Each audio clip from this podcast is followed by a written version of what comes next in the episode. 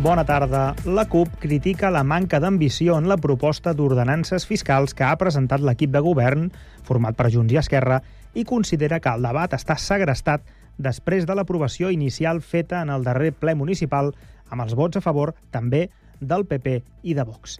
I és que els copaires creuen que es podria fer alguna pujada relativa d'impostos relacionats, per exemple, amb l'IAE o l'ICIO, que són els que afecten les activitats econòmiques de les empreses i les construccions i obres, entre d'altres. El cementiri de Sant Cugat amplia l'horari amb motiu de la Diada de Tots Sants. L'espai estarà obert a les visites aquest dimecres 1 de novembre de 9 a 6, de 9 del matí a 6 de la tarda. A més, l'Ajuntament ha habilitat per aquest dimecres un servei especial d'autobús per als desplaçaments al cementiri. El recorregut connecta amb diferents parades la plaça de Sant Francesc amb el cementiri amb una freqüència de pas de mitja hora. Totes les escoles del país, també les de Sant Cugat, inicien aquest dilluns una nova convocatòria per a les eleccions del Consell Escolar dels centres. Al Consell Escolar hi ha representats tots els col·lectius que intervenen en la comunitat educativa, direcció, professorat, alumnes, personal d'administració i serveis, així com membres de l'AFA i famílies. Els membres del Consell Escolar són escollits per a un període de 4 anys i es renoven per meitats cada dos anys. El calendari, fixat per la Generalitat, marca aquest dilluns, 30 d'octubre, com, inici, com l'inici del procés, que ha de tancar-se el 24 de novembre, que és el darrer dia de votacions, per poder constituir els nous Consells Escolars no més tard del 19 de desembre. I aquest dilluns 30 d'octubre és el Dia Mundial del Fisioculturisme i Sant Cugat té un vincle molt especial amb aquesta modalitat esportiva amb una parella d'èxit, Joana Romano i Mario Leal. Romano aglutina molts èxits després de sumar campionats d'Espanya i el Mundial del 2014. A més a més, ha guanyat, acaba de guanyar la Lliga Professional dels Estats Units, la millor competició mundial sota la direcció de Leal. Aquest binomi esportiu fa 26 anys que es manté i també són parella des de fa 27. Si, hem, si han arribat tan lluny, diuen, és perquè tenen les coses ben diferenciades. Han ressaltat els dos en un reportatge de Cugat Mèdia que serveix per conèixer els entrenaments i la metodologia emprada per arribar a l'èxit esportiu. Cugat Mèdia, la informació de referència a Sant Cugat.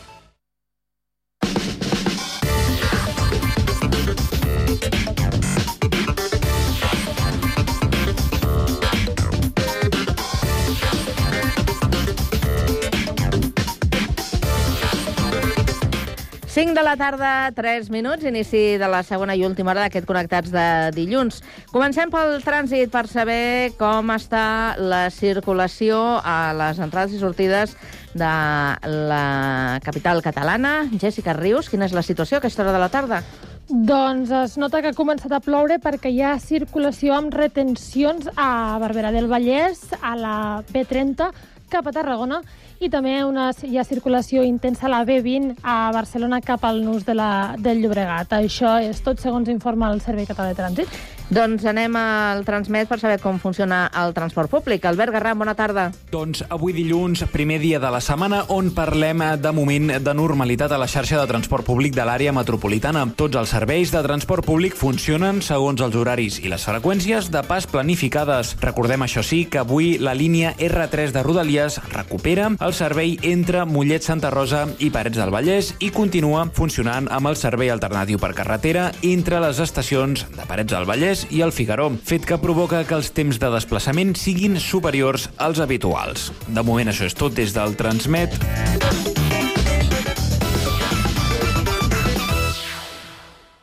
A la tarda no et desconnectis. A la teva ràdio local, connectats. Can't touch this. Touch this.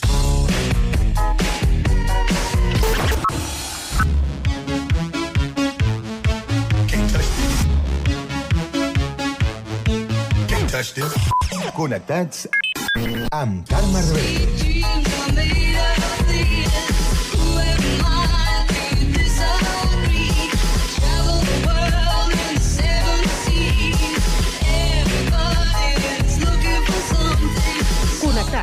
Una experiència radiofònica a Sabadell, Terrassa, Sant Cugat, El Prat, Castellà i Badalona.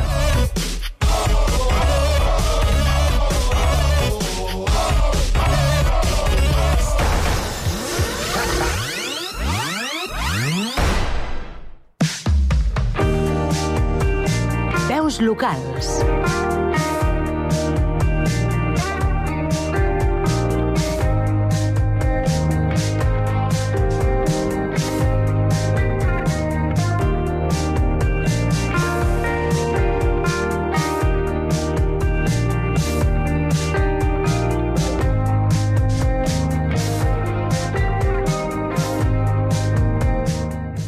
Aquest podcast és una producció de Ràdio Municipal de Terrassa. De sempre, la terrassenca Àngels Mestres va tenir clar que es volia dedicar al món de l'audiovisual. Després de passar per diversos mitjans de comunicació, ara treballa pel seu compte. Avui la coneixem, la tenim a punt amb en Sergi Estapé. Bona tarda, Àngels.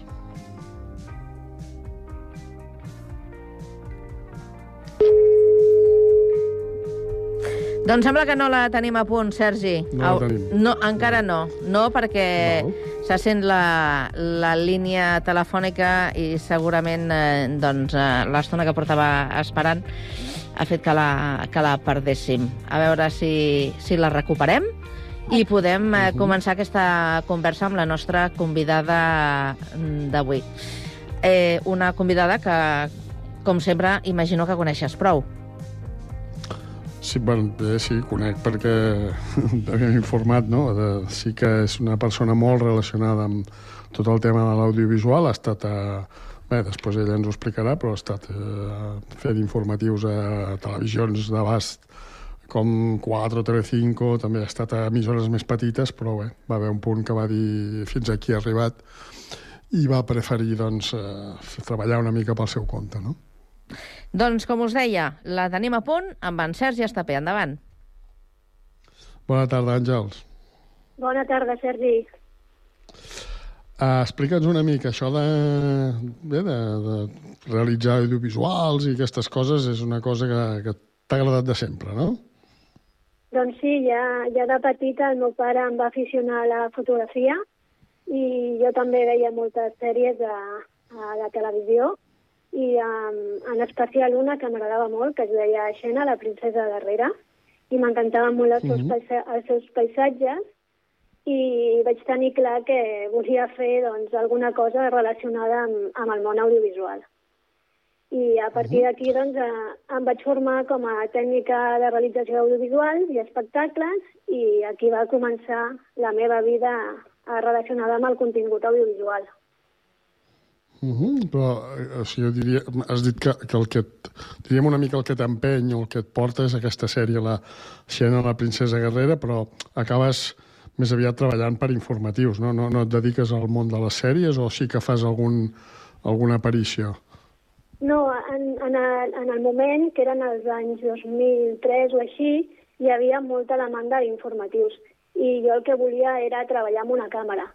Amb la qual doncs, uh -huh. eh, la meva tieta, que vivia a la Seu d'Urgell, em va comentar que obrien una televisió local allà i que si volia fer les pràctiques. I jo li vaig dir que, que sí, que encantada, i allà sobretot eh, van començar fent informatius. Eh, també van fer algun altre programa eh, d'esports, sobretot relacionat amb el bàsquet, i Mhm. després d'allà després d'allà me'n vaig anar a, a la televisió d'Andorra, que, que és el país veí, que és una televisió més gran, i allà sí que vaig eh, cobrir, doncs, a part d'informatius, doncs, eh, programes de cultura, societat, eh, entre d'altres coses.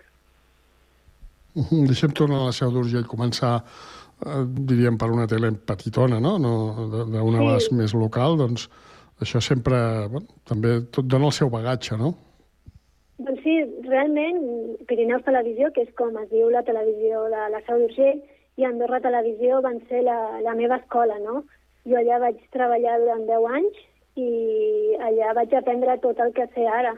Vaig aprendre a fer directes, vaig aprendre com funcionava la càmera, vaig aprendre com he de treballar per informatius, vaig aprendre també a treballar sota pressió i la veritat és que això em va ajudar doncs, a obrir-me la porta a treballar mitjans eh, més grans. Sí, a vegades potser mitifiquem una mica el treballar a mitjans grans, estil TV3 o, o, o, mm. o les cadenes com Antena 3 o Telecinco, i també el, el que et deia, no? el, el treballar en una televisió local també et dona una... Estàs molt a prop no? de la gent, és, és a dir, tota la gent que, que, que vius el, el dia a dia doncs són la gent que, que tu has d'adreçar-te, no?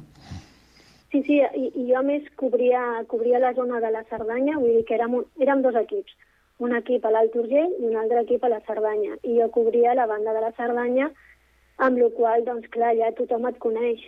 Tampoc són pobles molt, molt grans i, i tothom sabia, no?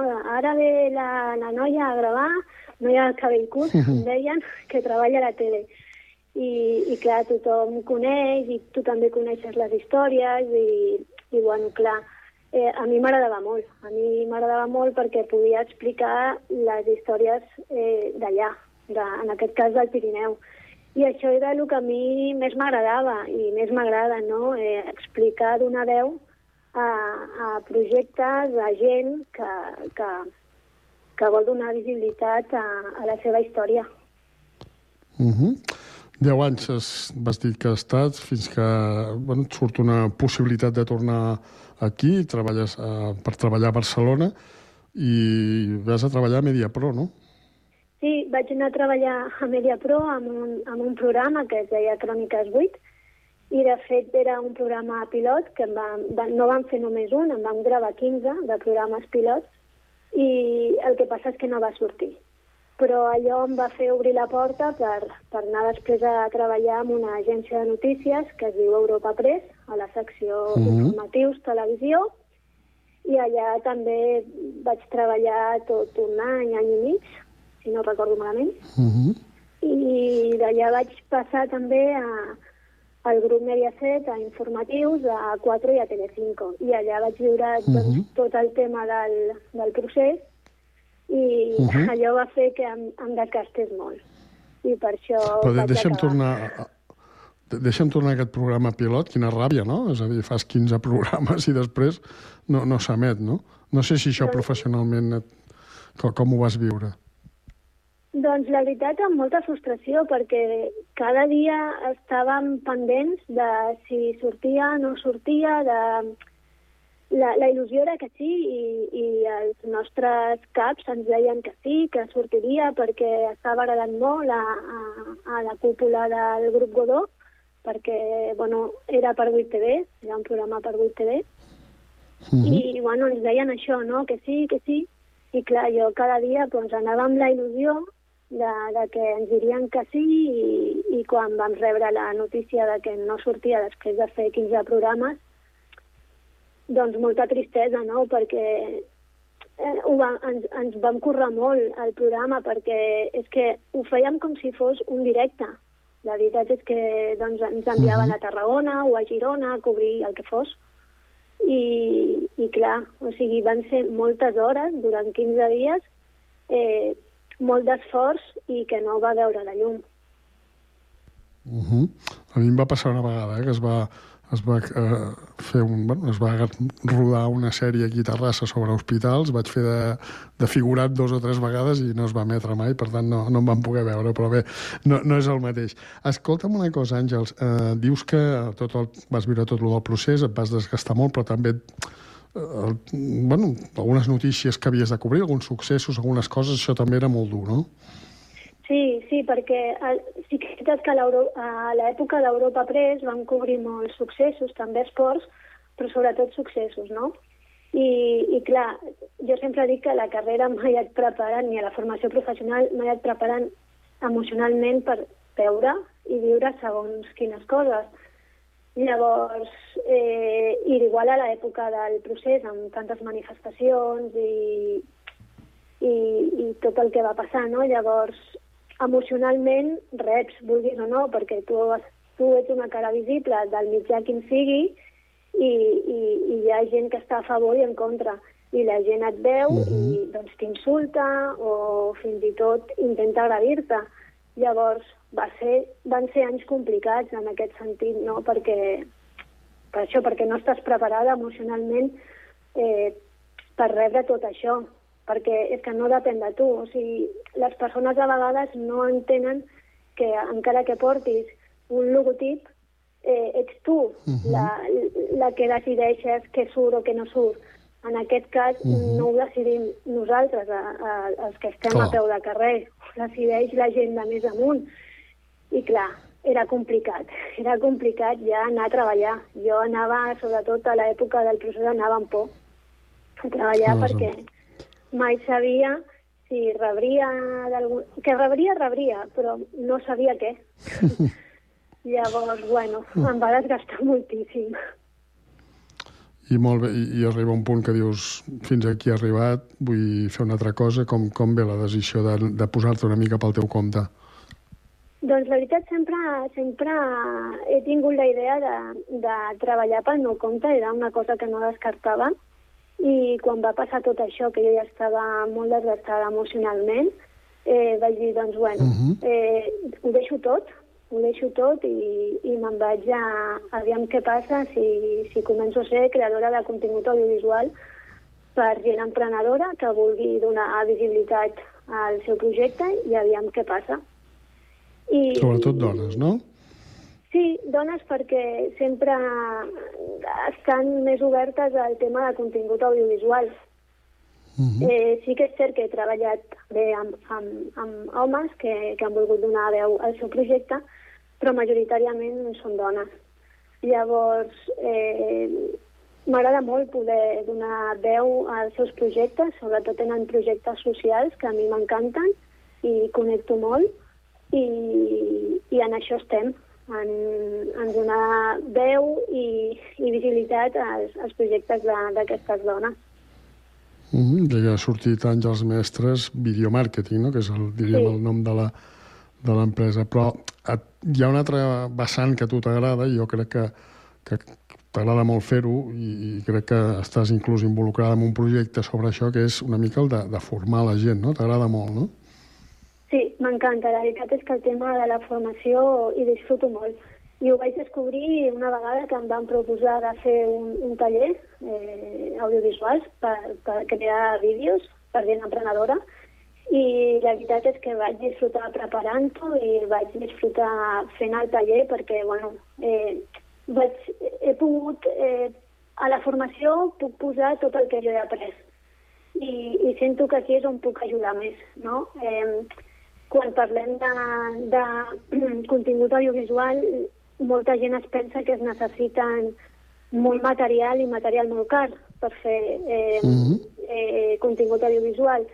I no és així. O sigui, aquest mite s'ha de trencar i el vull trencar i per això està la meva, forma, la, la meva formació, per arribar a aquestes, a aquestes barreres, aquesta barrera tecnològica.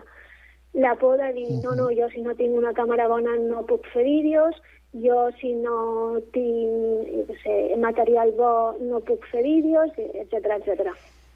Llavors, eh, compartint tot el que jo he après, sobretot eh, quan vaig començar els dos primers anys, i sobretot els primers eh, cinc anys a la televisió local Pirineus Televisió, que no tenia absolutament res, quasi, doncs m'està Mhm. servint molt ara per donar aquestes eines que a mi em van servir eh, en aquell moment eh, per eh, engegar una televisió de zero a, a, a fer doncs, contingut audiovisual des de zero. Mm I, I quan no estàs amb tot el tema d'audiovisual ni això, ja un... t'agrada molt el senderisme, no? T'agrada anar a la muntanya, no? Sí, m'encanta. És com si allà... És la meva inspiració, diguéssim. Jo vaig allà, em connecto a mi mateixa, m'agrada molt fer rutes per muntanya. Eh, a més a més, eh, és veritat, això no t'ho vaig comentar, però també sóc guia de baixa i mitja muntanya. Em vaig fer la titulació Ah. perquè m'agradava molt. I, I la veritat és que, que disfruto molt sortir a la natura, caminar, eh, i, i sobretot perquè em connecta molt amb mi mateixa i em sento, em sento més inspirada.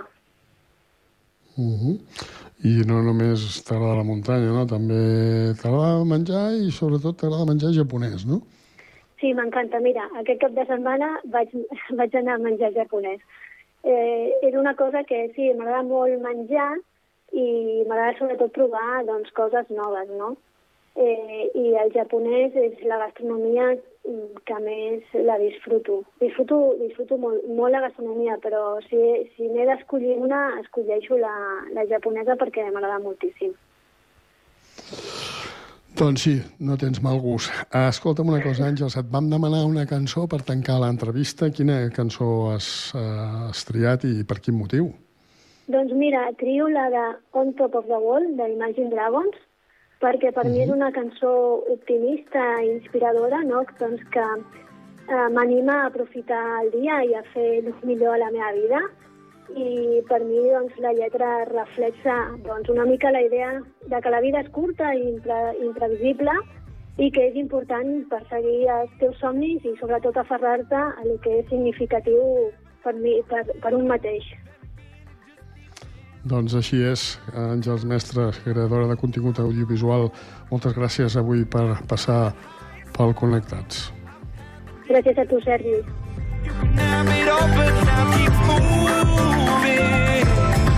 I'll take it in, but don't look down. Cause I'm on top of the world.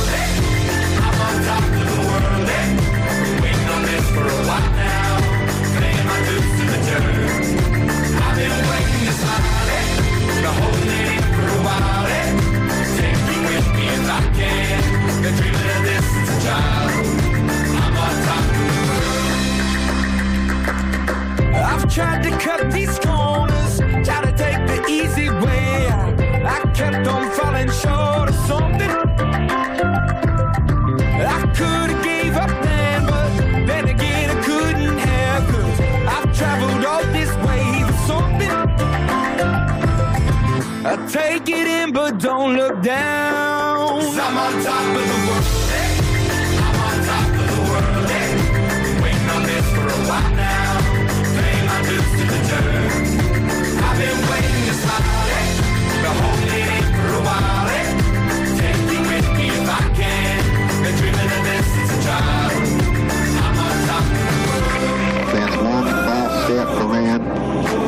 One giant deceit for mankind.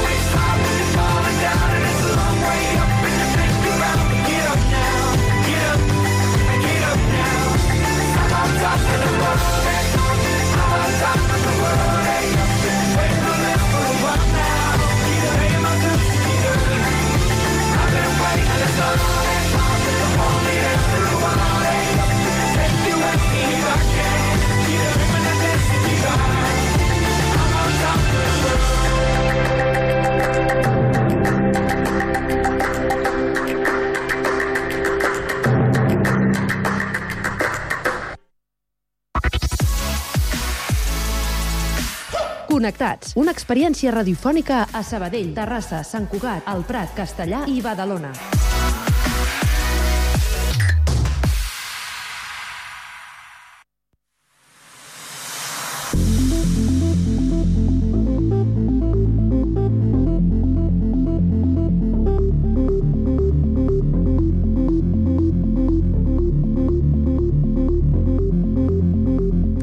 I ara al Connectats us parlem de ciència perquè un estudi assenyala els subproductes industrials com una oportunitat per reduir el diòxid de carboni a l'atmosfera.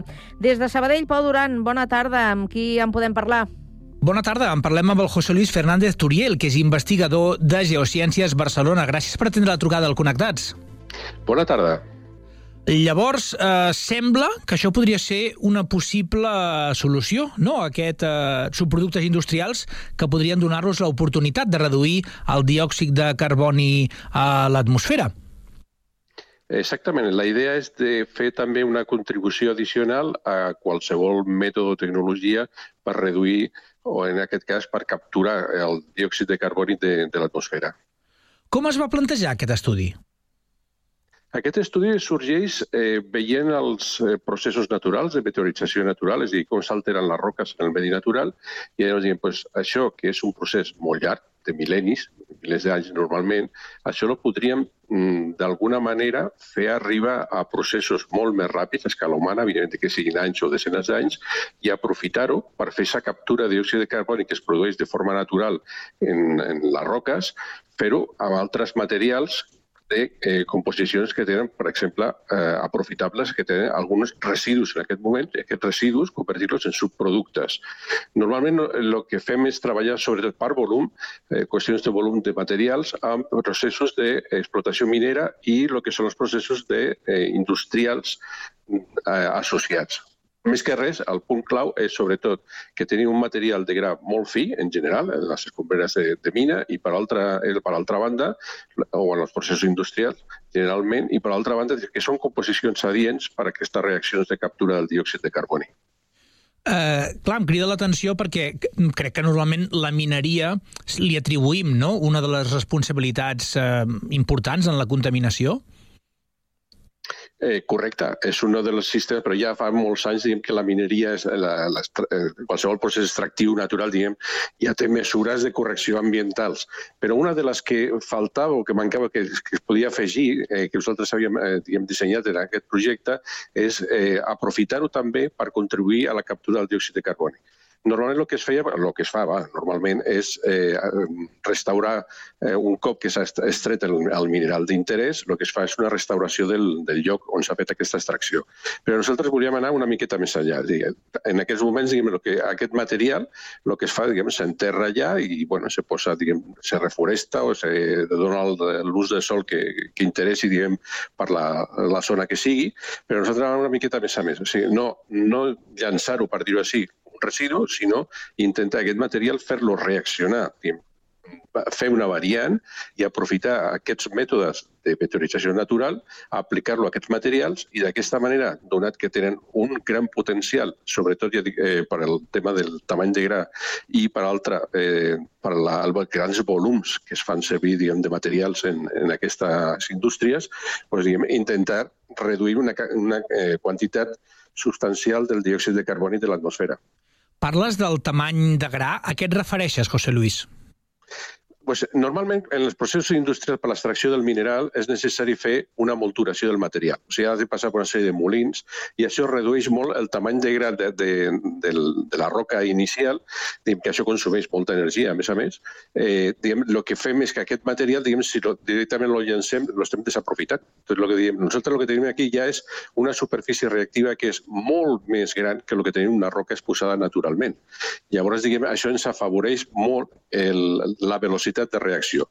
Quan tens les partícules, aquesta gran superfície és més reactiva i aquests processos que, si no estan exposats o no estan fragmentats a les roques, poden durar milers d'anys, si la reduïm a un tamany inferior a la sorra, estem parlant de eh, tamanys inferiors al mil·límetre, fins i tot que és necessari per extraure els minerals d'interès, doncs aprofitar aquest material ja pulveritzat per fer les reaccions que ens convinguin de cara a la, a la captació del diòxid de carboni. D'acord. Uh, ara et demanaré un gran esforç, José Luis, i és que ens expliquis a gent que potser ni, ni vam acabar d'agafar el que eren les nocions bàsiques de, de química, d'acord? Com interaccionen aquests uh, minerals per poder acabar fent el, aquesta reacció positiva que aconsegueixi capturar el, el diòxid sí. de carboni? La, la, bàsicament el que necessitem és calci o magnesi, que són els dos elements químics que ens van a formar després carbonats, uns minerals que poden ser calcita, dolomita, etc. Hi ha tota una sèrie d'ells. Llavors, diguem, d'aquesta manera, el que fem és que aquests minerals capturen en, en la reacció, en la seva estructura, millor dit, de- després de la reacció química, capturen el, el calci, capturen el magnesi, que lo tenim en aquests residus que estem parlant, que normalment són silicats de, porten silicats de magnesi, silicats de, de calci, entre altres elements, però majoritàriament són els d'interès, perquè aquests són els que funcionen millor a l'hora de formar carbonats eh, finalment de la reacció. I el que obtenim és en el medi natural, el que tenim és, per exemple, aquests materials fins, el que eh, succeeix és que plou i tenim aigua, i ja tenim la clau. O sigui, tenim el material original que és susceptible de reaccionar. Tenim l'aigua, que és el factor que ens farà que s'alterin, que, se, que aquest mineral es dissolgui en la primera fase i que després los, el, els ions que surten, el calci, magnesi i el carboni atmosfèric, se eh, reaccionen eh, junts i precipitin formant aquests minerals. I d'aquesta manera ja tenim unes fases minerals que poden ser mm, a escala humana indefinidament, diguem, eh, tenim aquí eh, carboni eh, segrestat que això poden durar després ja milers d'anys. Ja dic, a escala humana, diguem, és perfecta, perquè els objectius que tenim de captura de carboni ens estem fixant per eh, l'any 2030-2050. Diguem, si estem parlant ja, en aquest cas, de tenir-los centenars d'anys, milers d'anys atrapats, doncs és un objectiu que és molt vàlid per a aquest tipus de captura de carboni.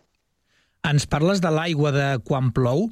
Això vol dir sí. que aquestes reaccions es podrien preparar inclús perquè passessin de manera natural, sense haver d'invertir energia en estar fent la reacció? Sí, aquesta, és- justament aquest, aquest és l'objectiu. O sigui, diguem, de, de que siguin eh, processos completament naturals, però que s'acceleren per al eh, simple fet, en, en el nostre cas, de ser partícules molt petites, de tenir una gran superfície específica. Aquest és el punt clau.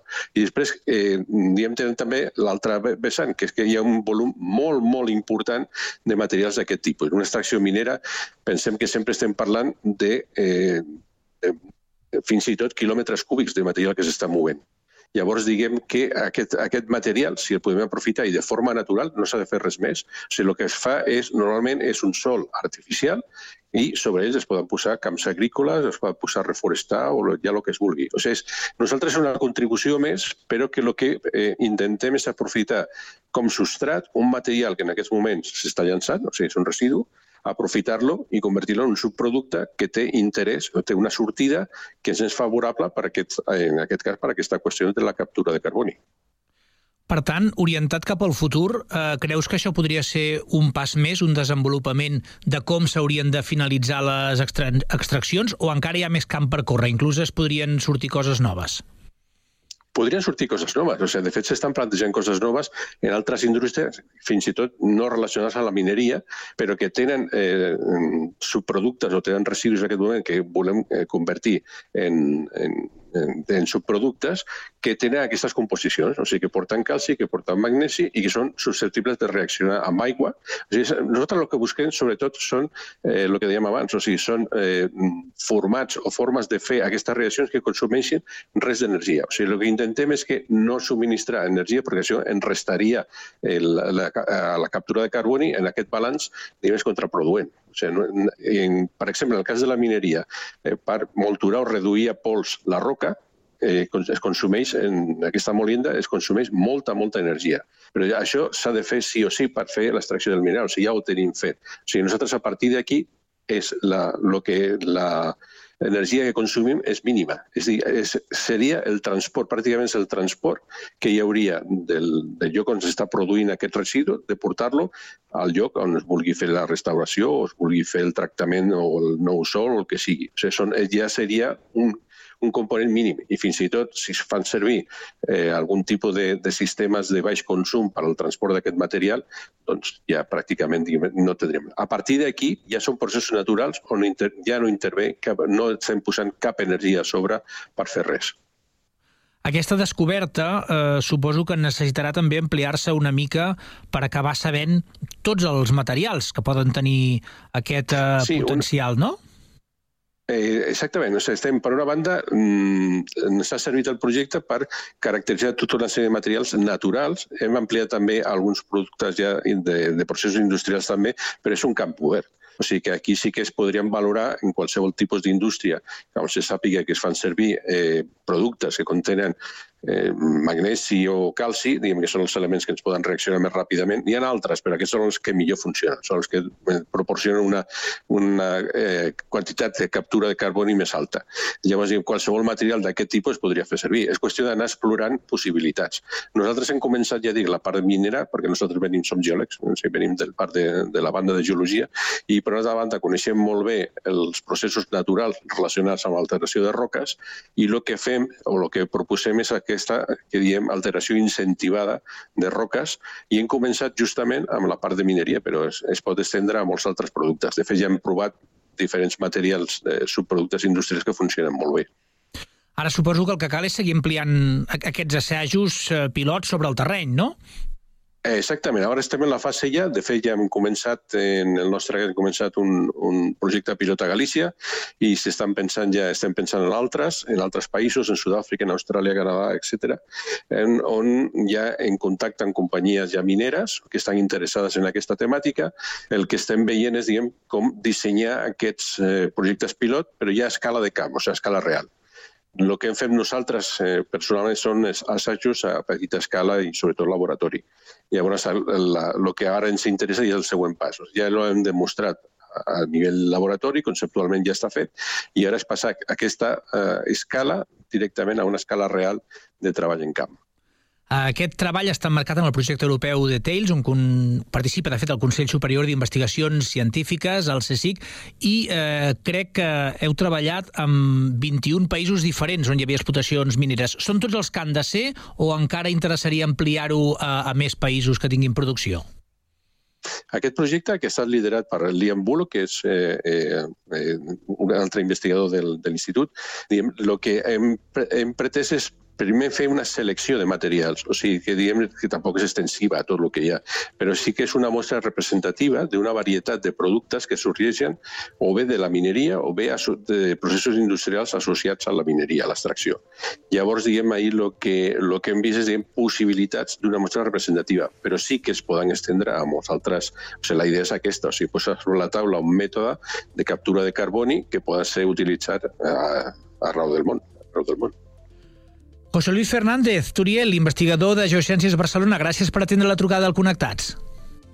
Gràcies a vosaltres.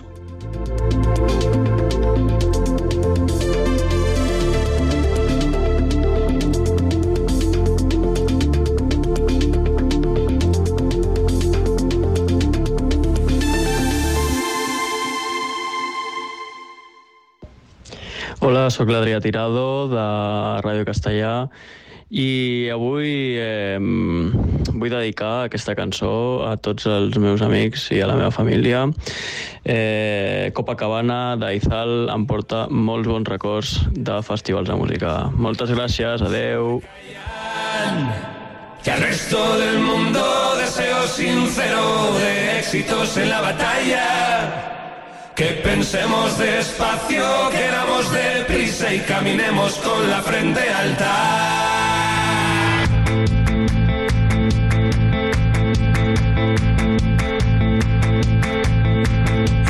En este justo momento en que nada ocurre, calma blanca, ropa de cama de hotel. Olores de vida plena, sexo ligero, agua fresca, zumo de fruta y café.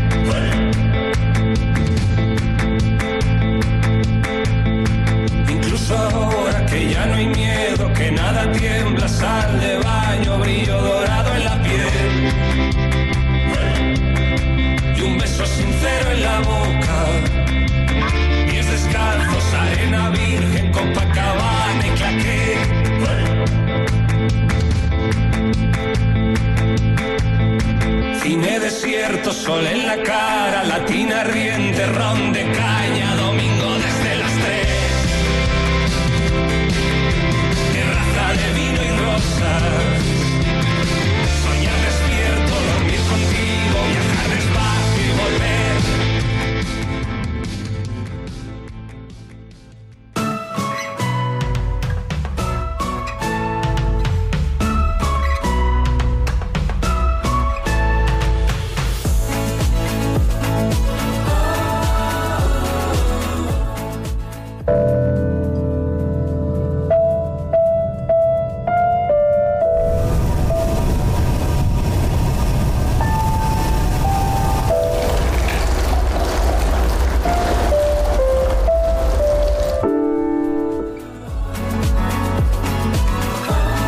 Aquest fragment eh, que acabem d'escoltar, aquest fragment sonor, forma part del curtmetratge Resonàncies d'una música callada, del director pretenc Xavi Esteban.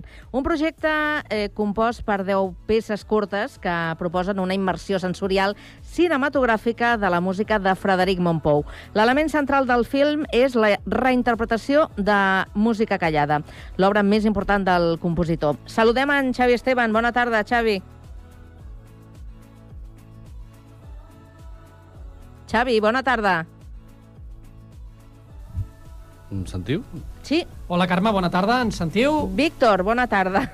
Bona tarda. A veure si Molt- sentim també el Hola. Xavi, que el tenim aquí al costat. El... Hola, bona tarda. Ara sí, ara sí, ara sí. Sí? Sí, Ah, ara. bé. Ja, ja, ja hi som tots, eh? Ens ha costat, però ara ja, ja hi som tots. Eh, Víctor Asensio, als estudis de, del Prat eh, Ràdio, i com us deia, parlem d'aquest curt documental que s'ha estrenat aquest dissabte a la Sala 4 d'Arribau Cinema de Barcelona en el marc del Festival Inèdit. Quina ha estat eh, la rebuda, Xavi? Doncs la veritat és que mm, jo crec que, que ha estat molt bona, perquè bueno, diversa gent em va, em va felicitar, tant, tant gent relacionada amb la pel·lícula com gent d'altres curtmetratges, perquè es passava juntament amb altres curtmetratges i, i, i sí, sí, i la sensació va ser, va ser molt bona. Algun, Molt bones al, algun comentari que diguis, ostres, tu, allò em va deixar que, que t'hagi sorprès? Home, sí que, per exemple, um, um, el, el, el, els altres curtmetratges, un d'ells era, era protagonitzat pel grup Xiula, que és un grup de, de Sí. música infantil, però així com molt, molt guai, bueno, no sé, jo trobo que està molt bé. I, i un dels components em va, em va venir, em va felicitar i em va dir que, que, bueno, que havia explorat molt bé doncs, el, el que hi ha darrere la música, tota aquesta cosa eh, invisible, no? Sí. I, I com això ho havia aconseguit transmetre a, a, a través del cine, no? I, bueno, doncs, que t'ho digui un músic, doncs fa, fa molta il·lusió. Sí, sí. Clar, això, això, fa, això fa pinya, no? Fa, fa sector, també. I si no m'equivoco, Sí, els, també, el, els xiules són de Badalona, crec recordar, si no m'equivoco, eh? Per cert, seguint amb el tema que ens ocupa ara mateix, eh, et bases en la música callada de, de Montpou, com explicàvem al principi, reinterpretada per David Vinyoles i Sergi Sirvent. Com arribes a aquestes composicions? Doncs mira, um, respecte al que és música callada en si i, i Montpou, uh, això va ser gràcies a mon pare, perquè el meu pare doncs, eh, és, és molt malòmen i, i escolta molta música, i, i, i sempre, tota la vida. O sigui, quan jo estava a la panxa doncs ja, ja, em posaven, ja em posaven música a la panxa de ma mare perquè anés escoltant. I, i bueno, quan tenia uns 9 o 10 anys, um, em va arribar a casa doncs, un disc que, que tenia una, un títol molt enigmàtic, no? que, que es deia Música callada i que, i que era com... Ostres, quina cosa més rara, no? Una música silenciosa, no? Una música Mhm. que, que incorpora ja el silenci en si mateixa, no? I, i la música, doncs, a mi em, em, em fascinava molt. O sigui, va ser, era com una... Sí, com una cosa que quan, quan, quan la posava es creava un ambient especial i, i, i llavors a mi sempre se'm va quedar allà com la figura de Montpou, com, com una cosa que... mm, com un misteri. I, i això és una mica l'origen de, de com jo arribo a música callada. I després, de com arribo a la reinterpretació de Sergi Sirvent i, i David Vinyoles, Mm. doncs resulta que a mi se'm va quedar aquest misteri de Montpou eh, des de que era petit, no? i quan vaig començar a dedicar a tot aquest tema audiovisual i, i cinematogràfic, doncs eh, sempre tenia com l'espineta de, de fer alguna cosa sobre Frederic Montpou, no? Un, jo que sé, un documental o alguna cosa així, però no trobava mai quin havia de ser l'enfocament perquè realment per arribar a l'essència i no fer el típic documental biogràfic Ja. o... Mhm. I, i bueno, la cosa va anar quedant allà. I, I un dia vaig conèixer per casualitat el, el Sergi Sirvent al metro, anant cap a l'auditori, i, i, i, i em va preguntar on està l'auditori, perquè feia poc que, que l'havien construït, i, i llavors bueno, vam anar junts cap allà, o sigui, parlem de fa molts anys, i, i després va resultar ser el... Bueno, eh, em, em va caure molt bé i tal, no? però després va resultar ser el, el profe de piano d'un molt amic meu, que també és del Prat, i, i llavors el vaig anar coneixent i deia, hosti, que aquest tio té alguna que m'agradaria fer com... fer alguna cosa amb ell, també, un, un curt o un docu o el que sigui. I, i, i, però tampoc no trobava la manera. Llavors, eh, un dia, eh, al cotxe, escoltant la ràdio, vaig assabentar-me de que, de que el Sergi Sirvent amb el David Vinyoles havien fet una cosa sobre Montpou, no? havien fet una reinterpretació de les obres de, de Montpou. I llavors va ser com una eureka, no?, de dir, ostres, doncs, es van creuar les dues línies temporals, diguéssim, no?, de Montpou i de Sergi Sirvent, i vaig dir, hòstia, doncs ara ja sé com fer, com fer un docu sobre Montpou i com fer alguna amb el, amb el Sergi Sirvent. I, I això és una mica la gènesi i no? com arribo jo a, a aquestes coses. El poder de la ràdio, eh? Has vist? El poder de la ràdio. Exacte, Meravellós, exacte. eh? Que és el que l'espurna, eh? Per engegar aquest, No, no. aquest projecte. És que me'n recordo perfectament, anava amb el cotxe, que era de nit, i, i allò com una nit eh, així com inhòspita i tal, i amb la ràdio, no?, allò com... I, i, i de sentir això i dir, uau, ja ho tinc, saps? La il·luminació en el moment. Sí, sí, sí. I aprofites la, la beca Unzip, d'Unzip Arts Visuals d'aquí del Prat, per Sí. iniciar aquest projecte. De fet, ets un dels guanyadors de la beca, que et dona aquest finançament per posar en marxa el projecte. Exacte, Eh, Com comença aquell projecte fins que el, de, el que després ha esdevingut, eh? aquest, aquest projecte, aquest documental? Ja, doncs, doncs a l'Eureka aquest, mm, jo crec que va ser el 2019, i llavors, eh, quan ens van confinar, eh, llavors va ser el moment de poder fer la immersió total de, del 2020, no? al març de 2020. Eh, ja tenia el temps i la quietud eh, que, que requereix escoltar la música de Montpou i, i omplir la llibreta de possibilitats de com abordar-ho. I, i d'allà va sortir, del confinament va sortir un primer guió, i, llavors, mm, no sé, crec que al cap de poc eh, va sortir la convocatòria d'un zip i ho vaig presentar, i va ser com la primera pedra de, del projecte, no? el, primer, el primer granet de, de sorra a nivell de finançament, perquè després ho vaig presentar al, a l'ISEC i després a, a l'ICA, o sigui, a la Generalitat i al Ministeri. I, mm. i, i, i ja està, no? Sí, i, bueno, i a la Fundació també, Frederic Montpou, O sigui, I suposo que en aquest procés també eh, ha anat evolucionant el projecte. Suposo que d'una primera idea que tindries el que ha acabat eh, sent. No sé si podem parlar tècnicament de documental o no. Almenys al tràiler tenim una, una barreja entre paisatges sonors, eh, i escenes molt oníriques i també doncs, un punt aquest de reflexió sobre el personatge de Montpou i la música de Montpou. No sé si tu encabeixes dintre de, de, del documental o, o, què, o com, quin, quin gènere seria eh, aquesta peça. És que realment, mira, un dels altres comentaris que em van fer quan, quan vam sortir em van dir és que és, és una mescla de gèneres brutal, no? Eh, el qual pot arribar a ser un, un problema a nivell de, de, per exemple, de seleccions en festivals, doncs eh, el fet de que no tingui un, un gènere super definit doncs a vegades genera una mica com de, de confusió mm, i els espais a vegades volen coses com molt, molt definides, no?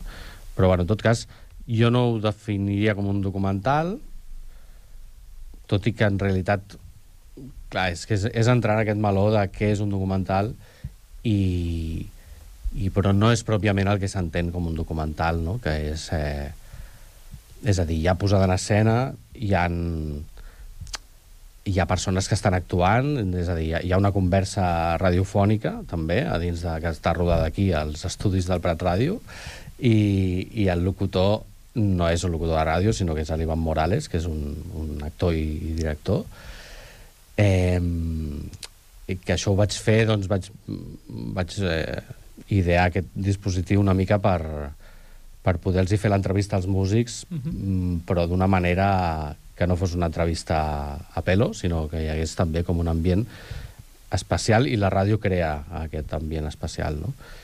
I, i després hi ha altres mm, situacions que també són posades en escena, o sigui que no són no he anat allà jo amb la càmera i he gravat el que estava passant, sinó que jo ho he, ho he muntat, no? I, i després també, com deies, doncs hi ha visuals, hi ha unes... Eh, bueno, una, un, a través d'unes visuals bastant abstractes, doncs eh, el que he intentat és fer com una mena de visualització de, de la música amb, amb 3D i, i o sigui que, bueno, mm, jo crec que, que és més aviat una, un, un curt experimental.